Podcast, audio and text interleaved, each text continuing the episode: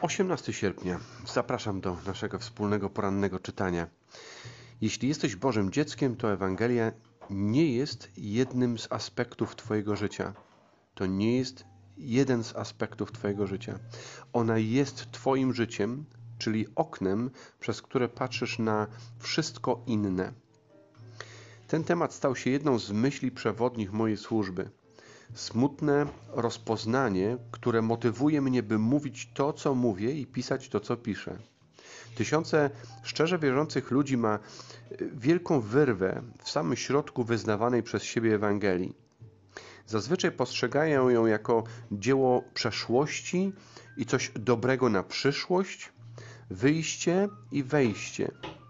Oczywiście cieszą się przebaczeniem, które otrzymali i zaproszeniem do Bożej rodziny patrzą z nadzieją w przyszłość, kiedy to już będą z Panem na zawsze, lecz nie rozumieją radykalnego, przemieniającego myślenie i życie terazizmu. Terazizmu, taki zwrot, czyli czegoś, co jest na teraz. Ewangelii Jezusa Chrystusa. Nie pojmują, że gdy przyszli do Chrystusa, zmieniła się nie tylko ich przeszłość i przyszłość, lecz także wszystko, co w ich życiu jest tu i teraz. W życiu wierzącego człowieka nic nie pozostaje niezmienione, e, nic nie zostaje niedotknięte Ewangelią. Jeśli patrzysz na życie z perspektywy obecnych korzyści wynikających z dzieła, osoby, obecności i obietnic naszego Pana Jezusa Chrystusa, nic w Twoim życiu nie pozostanie takie samo. Apostoł Piotr zachęca wszystkich, by żyli w nowy, radykalny sposób, ponieważ otrzymali wszystko, co potrzebne do życia i pobożności. To jest drugi list Piotra, pierwszy rozdział i trzeci wiersz. Tak więc nie zostaliśmy ze swoją własną dojrzałością, charakterem, pomysłowością, sprawiedliwością, mądrością i mocą.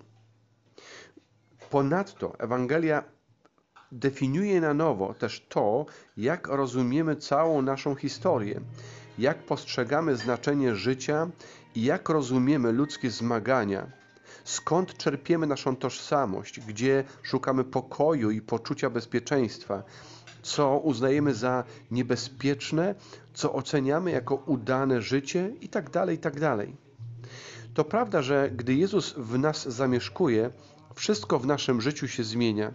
Nic nie pozostaje takie samo. Jeśli tego nie wiesz, celebrujesz swoje zbawienie, ale po pomoc w problemach z małżeństwem, rodzicielstwem, seksem, pieniędzmi, przyjaciółmi, obawami, uzależnieniami, decyzjami i innymi rzeczami nie zwracasz się w stronę Ewangelii. Tak, jeśli nie celebrujesz swojego zbawienia na teraz. Logujesz się w księgarni internetowej i szukasz najnowszego poradnika związanego z problemem, który aktualnie cię doskwiera. Robisz tak, ponieważ cierpisz na funkcyjną ewangeliczną amnezję. Ewangeliczna amnezja, czyli zapomniałeś, kim jesteś jako dziecko Boże. Zapomniałeś o wspaniałym magazynie duchowej mądrości, który jest dla ciebie otwarty. Myślisz, że jesteś biedny, choć jesteś bogaty. Myślisz, że potrzebujesz mądrości, choć zostałeś zjednoczony przez łaskę z tym, który jest mądrością. Myślisz, że jest coś, czego potrzebujesz, a czego jeszcze nie znalazłeś, choć w rzeczywistości zostało ci to już ofiarowane. Ofiarowane ci zostało wszystko, czego ci potrzeba, by stać się tym, kim masz się stać i robić to, co masz robić w miejscu, w którym postawił cię Zbawiciel. Ewangelia daje ci wszystko i zmienia wszystko w twoim życiu. Czy żyjesz tak, jakbyś faktycznie w to wierzył? Do dalszego rozważania, rozważania i zachęty pierwszy list do Koryntian, drugi rozdział, pierwszych pięć wierszy. Również ja, gdy przyszedłem do was, bracia, nie przyszedłem z wyniosłością mowy lub mądrości, głosząc wam świadectwo Boże. Albowiem uznałem za właściwe nic innego nie umieć między wami, jak tylko Jezusa Chrystusa i to ukrzyżowanego. I przybyłem do was w słabości, w lęku i w wielkiej trwodze. A mowa moja i zwiastowanie moje nie były głoszone w przekonywających słowach mądrości, lecz objawiały się w nich duch i moc. Dlaczego? Żeby wiara wasza nie opierała się na mądrości ludzkiej, lecz na mocy Bożej. Miłego dnia. 19 sierpnia o wspólnocie i relacjach. Boża opieka jest widoczna w naszym życiu w wielu postaciach. Wspólnota to przejaw Bożej troski, by postawić w naszym życiu ludzi, którzy będą nas zachęcać, będą napominać i pocieszać. Słowa z listu do Kolosan, trzeci rozdział.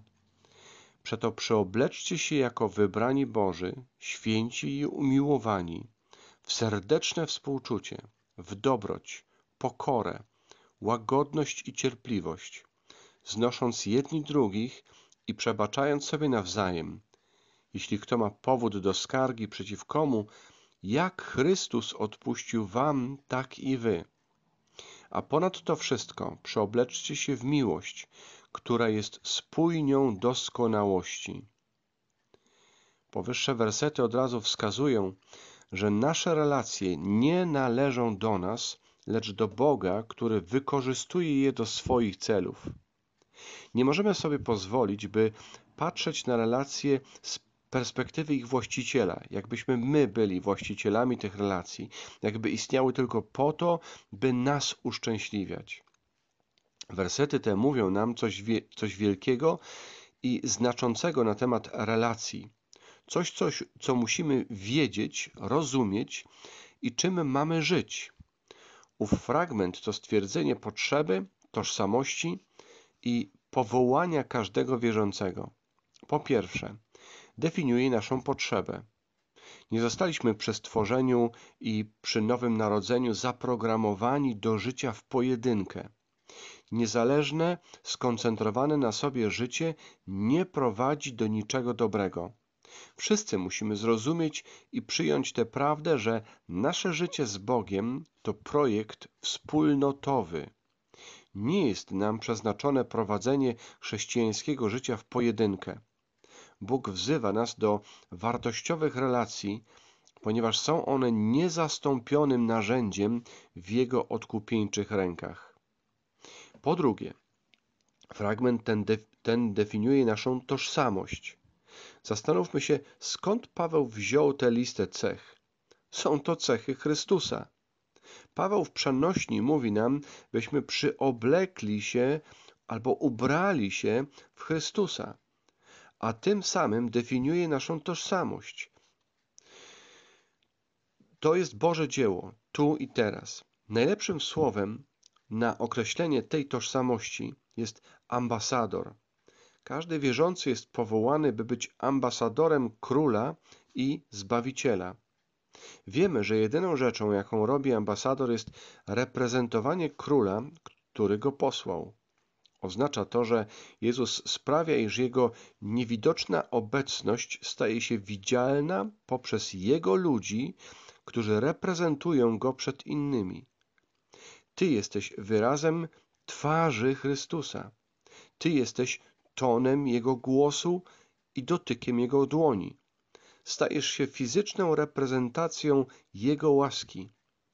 To jest Twoja misja w każdej relacji, którą nawiązujesz, aby uczynić łaskę niewidzialnego króla widzialną. Po trzecie, definiuje Twoje powołanie, by cały czas pytać, czego ta osoba potrzebuje teraz doświadczyć w swoim życiu ze strony Jezusa i Jego odkupieńczego dzieła. Czego ta dana osoba, która stoi przede mną, potrzebuje teraz doświadczyć w swoim życiu ze strony Jezusa i Jego odkupieńczego dzieła. Nikt z nas nie spełnia wymagań do tego wielkiego zadania.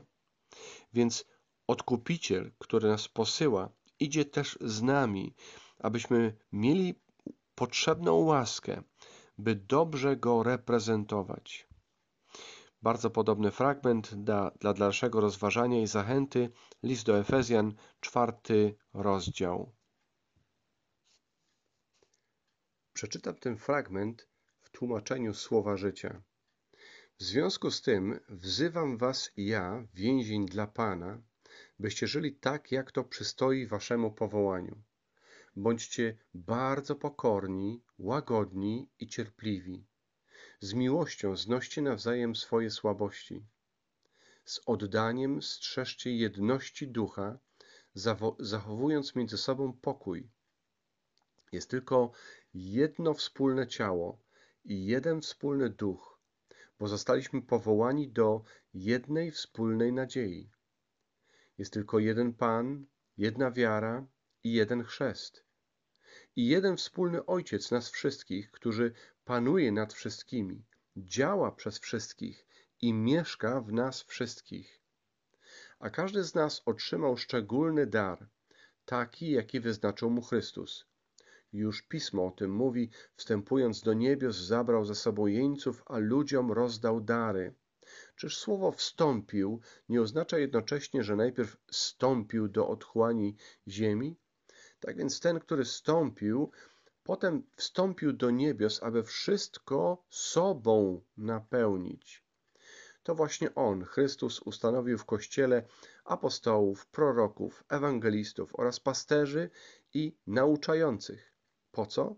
Żeby przygotować pozostałych wierzących do służby mającej na celu budowanie ciała Chrystusa, czyli Kościoła. Jak długo? Aż wszyscy razem osiągniemy pełną jedność wiary i poznania Syna Bożego, aż staniemy się doskonali według wzoru, jakim jest Chrystus. Nie bądźmy jak dzieci, które dryfują, gnane wiatrem fałszywych nauk i ulegają sprytnym kłamstwom przewrotnych ludzi. Zamiast tego z miłością mówmy sobie prawdę i stawajmy się coraz bardziej podobni do Chrystusa, który jest głową swojego ciała, czyli Kościoła. Dzięki niemu całe to ciało jest doskonale zsynchronizowane, a każdy jego element we właściwy sobie sposób służy innym częściom, tak, że cały organizm coraz bardziej się rozwija i buduje w miłości. Miłego dnia. 20 sierpnia. Wspólnotowe uwielbienie ma na celu zafascynować Cię Bożą łaską, a ta łaska ma stać się narzędziem tejże łaski w życiu innych. Życie w naszym upadłym, zepsutym świecie jest ciężkie. Służenie upadłym ludziom jest trudne. To wszystko doprowadza do wycieńczenia, zniechęcenia i przyjęcia odrobinę cynicznej postawy. Nie da się po prostu żyć wśród grzeszników, którzy nie grzeszyliby także przeciwko nam. Nie sposób być z ludźmi i nie widzieć ich prawdziwego serca. Rozumiem, dlaczego ludzie, doświadczywszy zranienia i rozczarowania, które tak często szkodzą naszym relacjom, postanawiają żyć w izolacji lub w wygodnych, świetnie, śmiertelnie powierzchownych stosunkach z innymi. Rozumiem, dlaczego powtarzają sobie już raz dałem się nabrać, drugi raz na to nie pozwolę.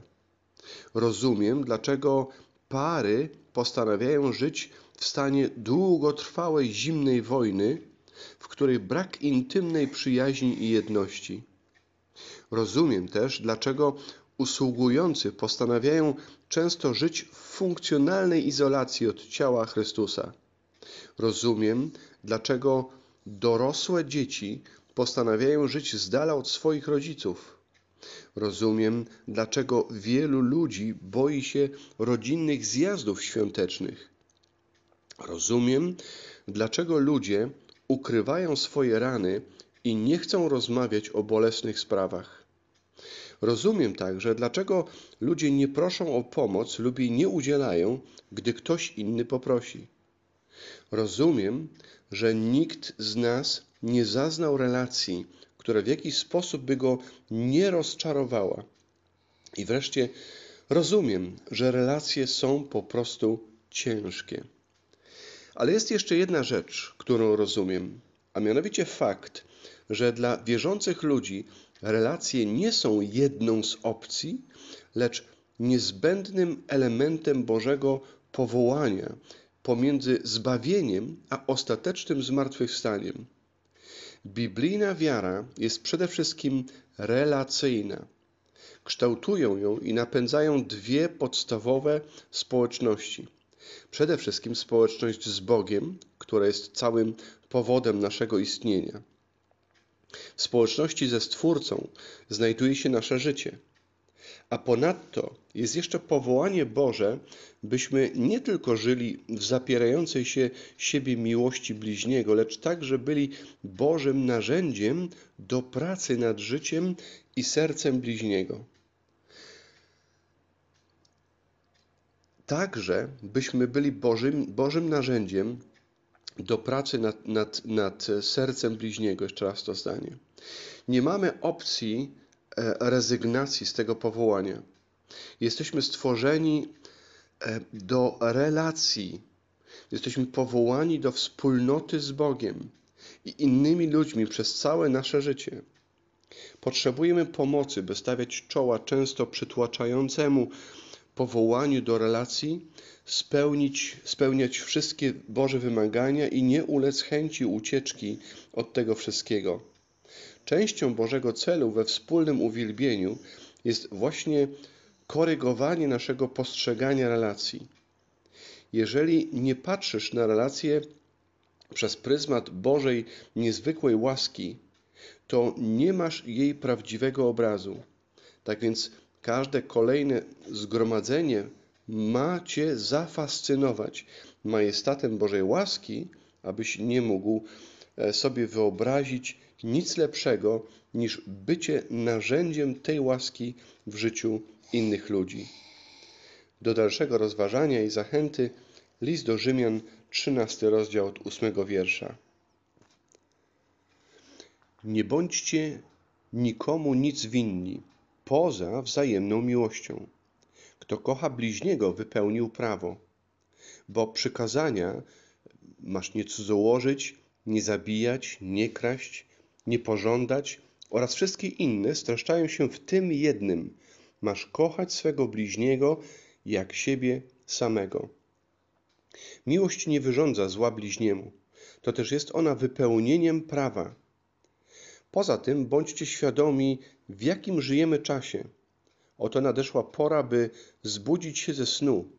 Teraz zbawienie jest bliżej nas niż wtedy, kiedy uwierzyliśmy. Noc przeminęła i dzień się przybliżył. Odrzućmy więc uczynki ciemności, a włóżmy na siebie zbroję światła. Postępujmy zgodnie, postępujmy godnie jak za dnia. Odrzućcie hulanki i libacje rozpustę i rozwiązłość, kłótnie oraz zazdrość. Przywdziejcie raczej Pana Jezusa Chrystusa i nie czyńcie starań, by zaspokajać, zaspokajać żądze ciała. Serdecznie pozdrawiam, miłego dnia.